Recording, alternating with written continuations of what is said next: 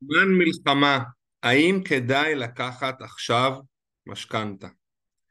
אז חברים, אה, אני מייצר לעצ... עבורכם הדרכה לדעתי מאוד חשובה, כי יש פה הרבה מאוד אנשים שכרגע לא יודעים מה לעשות. כן לקחת משכנתה, לא לקחת משכנתה, כן לרכוש, לא לרכוש, מה קורה איתנו בכלל. ולכן אני מייצר לכם את ההדרכה הזאת בין כוננויות, בין שמירות, בין הרבה מאוד דברים, כדי לתת קצת אור, לשפוך קצת אור ולעזור לכם לקבל החלטות. אז מה מאפיין את התקופה הנוכחית? אנחנו במלחמה. יש חוסר ודאות טוטאלי, היסטרי. אנחנו בקושי יודעים מה יקרה בעוד חצי שעה ולאיזה חדשות ניחשף, בטח שלא מה יהיה בשבועות ובחודשים הקרובים. הגענו למלחמה הזאת באינפלציה שהיא בשיא של מעל לעשור, עוד לפני המלחמה. ריבית הפריים, ריבית בנק ישראל, 6.25% בשיא של מעל לעשור, שוב עוד מלפני המלחמה. אנחנו לא יודעים לאן, לאן זה ייקח אותם. מחירי נכסים מאוד גבוהים, שוב, עוד מלפני המלחמה. ריביות גבוהות בשוק המשכנתה ובכלל בכל השוק, בכל המשק, עוד מלפני המלחמה. ביטחון תעסוקתי מתנדנד, עכשיו כשאני אומר ביטחון תעסוקתי זה גם לשכירים, זה גם לעצמאים, פלח האוכלוסייה שיש לו ביטחון תעסוקתי מלא, אה, שהפרנסה שלו לא נפגעת, הוא יחסית מצומצם. אז אני קופץ למים, למה לא לקחת עכשיו משכנתה? למה לא לעשות עסקה ולמה לא לקחת עכשיו משכנתה? אז הדברים הראשונים זה מה שכתבתי קודם, בדיוק אותם, מאותן סיבות, כי מלחמה, כי חוסר ודאות, כי אינפלציה בשיא של מעל לעשור, כי ריבית הפריים 6.25% בשיא של מעל לעשור, מחירי נכסים גבוהים כרגע, ריביות גבוהות בשוק המשכנתה ובכלל, ביטחון תעסוקתי מתנדנד, ועל זה אני עוד מוסיף, משקי בית נכנסים מטבע הדברים לצמצום הוצאות, ויש פה גם שאלות שביום רגיל היה קשה לענות עליהן, אז בטח של עכשיו, איך אני חי עם שכירות ומשכנתה במקביל? שאלה מעולה. אז זה למה לא לקחת עכשיו משכנתה, וכל סיבה שכזו היא סופר נכונה. אבל אנחנו ניתן גם את הצד השני של המטבע. למה כן לקחת עכשיו משכנתה? א', כי חייבים. חתמנו על חוזה, צריך לעמוד בתשלומים. עולה, יורד, אינפלציה, מצב. יש כל מיני הקלות שמפורסמות כרגע, אבל עדיין, בואו נניח שאנחנו צריכים לעמוד בהתחייבויות שלנו. מצאנו נכס שהוא מתאים, מחיר, מיקום, תזמון בחיים, הוא עונה לי על צורך, מבינים את הרעיון. יכול להיות שאנחנו נפל בחלקנו המזל שפחות נפגענו מהמצב. אני לא מדבר ברמת המורל וברמת האנרגיה, אני מדבר ברמה יותר הפיננסית. ההכנסות לא נפגעו, יש ביטחון תעסוקתי, כל אחד כמובן והסיפור שלו. הריביות בשיא אמנם, אבל מכאן יש בעיקר לאן לרדת. כלומר, גם אם בדרך זה עוד יעלה ב-X מסוים, כי יכול להיות שכתוצאה מהמלחמה, לפחות בתקופה הקרובה עוד נכון, נחווה עוד קשיים, אבל מי שנכנס לעסקה היום, הוא נכנס בשיא, אנחנו מאמינים שבתקופה הקרובה זה ירד. יכול להיות שאנחנו גם נזילים מספיק, יש לנו כסף, אנחנו פנויים להוצאה, אוקיי? או שיכולים להשקיע הון עצמי נוסף, מעבר למה שחשבנו בהתחלה. הפוך על הפוך, זמן למציאת הזדמנויות. שוב, במקרה המעוות הזה, אבל, אבל יש פה הזדמנויות למי שעוד פעם מספיק נזיל, למי שיש לו כרגע את היכולת, מוכרים, קבלנים, יהיו מוכנים להתפשר יותר על המחיר, על תנאי תשלום, כי יש הרבה פחות קניות כרגע של נכסים. ועוד משהו שאסור שנשכח, המשכנתה, חברים, הינה כסף אחרון. בגדול, במצב סטנדרטי, אנחנו קודם כל משלימים את מלוא ההון העצמי, ורק לאחר מכן לוקחים את המשכנתה. זאת אומרת שיכול להיות שאני עושה עסקה, את המשכנתה, אני לא צריך אותה עכשיו. נגיד, שוב, לשם הדוגמה, 25-85. אה, 25-75, סליחה. עכשיו 25 אחוז, 75 אחוז, בעוד שנה, בעוד שנתיים באכלוס.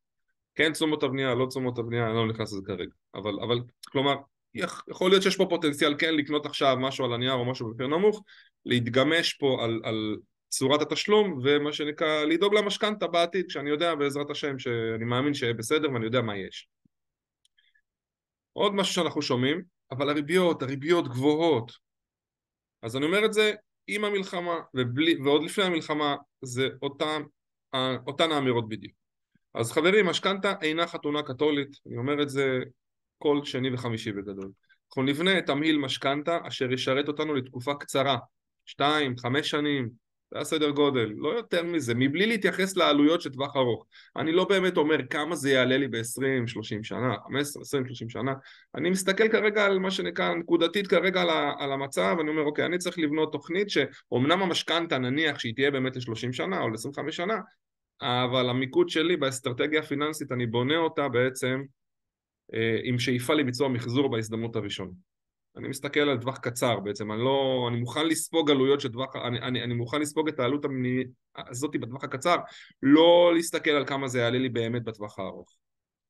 אז כמו שאמרתי, לספוג ריביות גבוהות לתקופה יחסית קצרה, במונחי משכנתה, כן, שנתיים, שלוש, עם התכנות נמוכה לעמלות פירעון מוקדם, עם שאיפה לכרסום של קרן המשכנתה במקסימום שניתן, אוקיי? מתוך הבנה שוב שאנחנו כן נבצע מחזור בעתיד. אני אומר את זה אגב גם למי שחייב לקחת משכנתה ואין לו ברירה, זה אותן הנחות יסוד.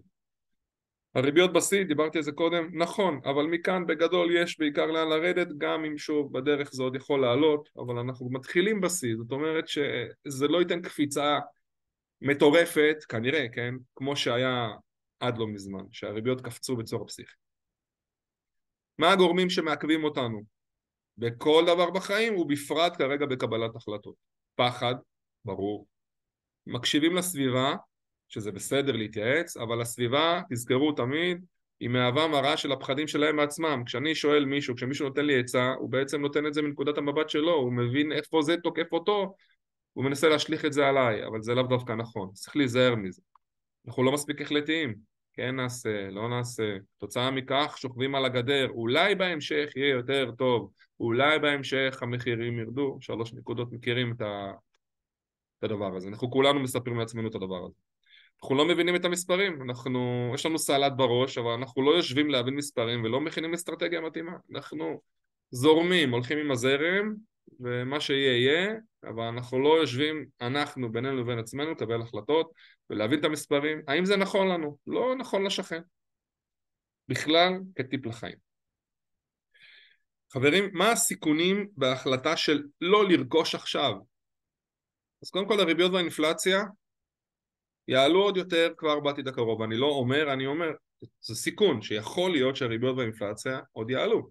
ואז אם אני לא מקבל עכשיו החלטה, אם אני לא עושה עכשיו מהלך, יכול להיות שבעוד כמה חודשים זה יהיה עוד יותר יקר, אוקיי?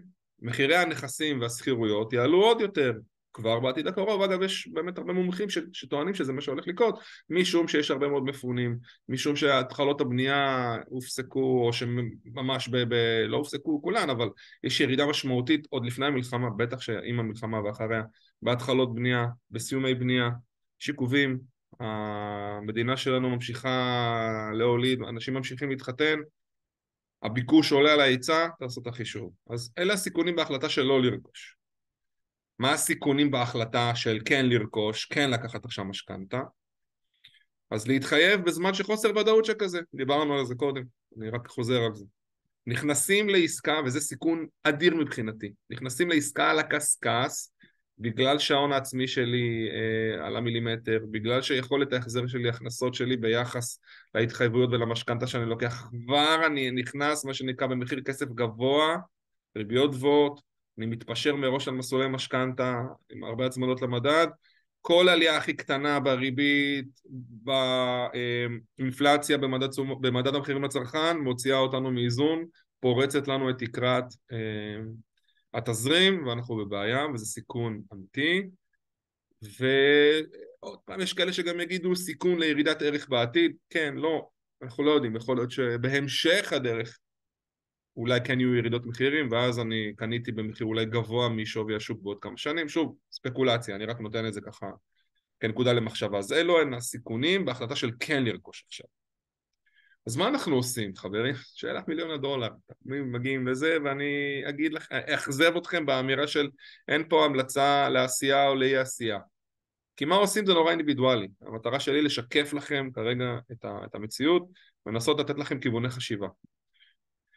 אז מה חשוב כשאני מסתכל על זה, כשמישהו בא ומדבר איתי, אז אנחנו מבינים את המצב, כל מה שדיברנו, המצב בחוץ, המצב אצלנו בבית, אנחנו מקבלים החלטות על סמך מידע ותחזיות, אנחנו לא, עושים לא ראיתי, לא שמעתי, לא ידעתי, לא אמרו לי. אנחנו בוחנים כל מקרה במודל של סוואט למי שככה נחשף אליו, מה, יתרונות, חסרונות, איומים, הזדמנויות, זה בערך מה שניסיתי לתת לכם כרגע כאן. אנחנו מקבלים החלטה על סמך זה שאנחנו רושמים ממש מה היתרונות של המהלך, מה החסרונות, איפה יש לנו פה איומים, אוקיי, איפה יש לנו פה הזדמנויות, ומזה מקבלים החלטה. אנחנו מנהלים סיכול, מנהלים סיכונים בצורה מחושבת. כלומר, אנחנו לא עכשיו אומרים יאללה יהיה בסדר, או שכלו כל הקיצין, אין מה לעשות, שנקרא, לא יקנה פה בחיים נכס. לא, אנחנו יושבים, שוב, זה חלק מבעצם בחינה של המצב, ואנחנו לוקחים החלטות על סמך ניהול סיכונים מחושב. אנחנו לא מפספסים הזדמנויות לחינם שעוד נצטער עליהן אולי אפילו כל החיים למה לא עשיתי עכשיו, ובצד השני, במשלים שלו, אנחנו לא מסתכנים לחינם. אם יש ספק, אז אין ספק, או אם יש ספק, אנחנו מבינים את המצב עוד פעם, חוזרים חלילה, חוזרים למעגל השרטוטים, מבינים את המצב, עוד פעם, ניהול סיכונים, יתרונות, חסרונות, איומים, הזדמנויות, מקבלים החלטה, אבל בטח שלא להסתכן ולעבור את, הג... ולעבור את הקו בצורה כזאת שמסכנת אותנו. אז חברים, זאת הייתה הדרכה קצרה. אני רוצה להודות למי שצפה בה, אני מקווה שנתתי לכם ערך, אה, כיוונים לחשיבה. מי שבכל זאת רוצה לבוא, להתייעץ, לדבר איתי, לבחון את המצב בצורה עם עיניים, מה שנקרא חיצוניות ומקצועיות, מוזמנים לפנות אליי, יש לכם פה את הפרטים, הנה מספר הטלפון, הנה אה, כתובת אתר האינטרנט, מוזמנים לפנות דרך האתר, להשאיר פרטים, וכמובן לשלוח לי אימייל, שיהיו לכולנו בשורות טובות, אמן.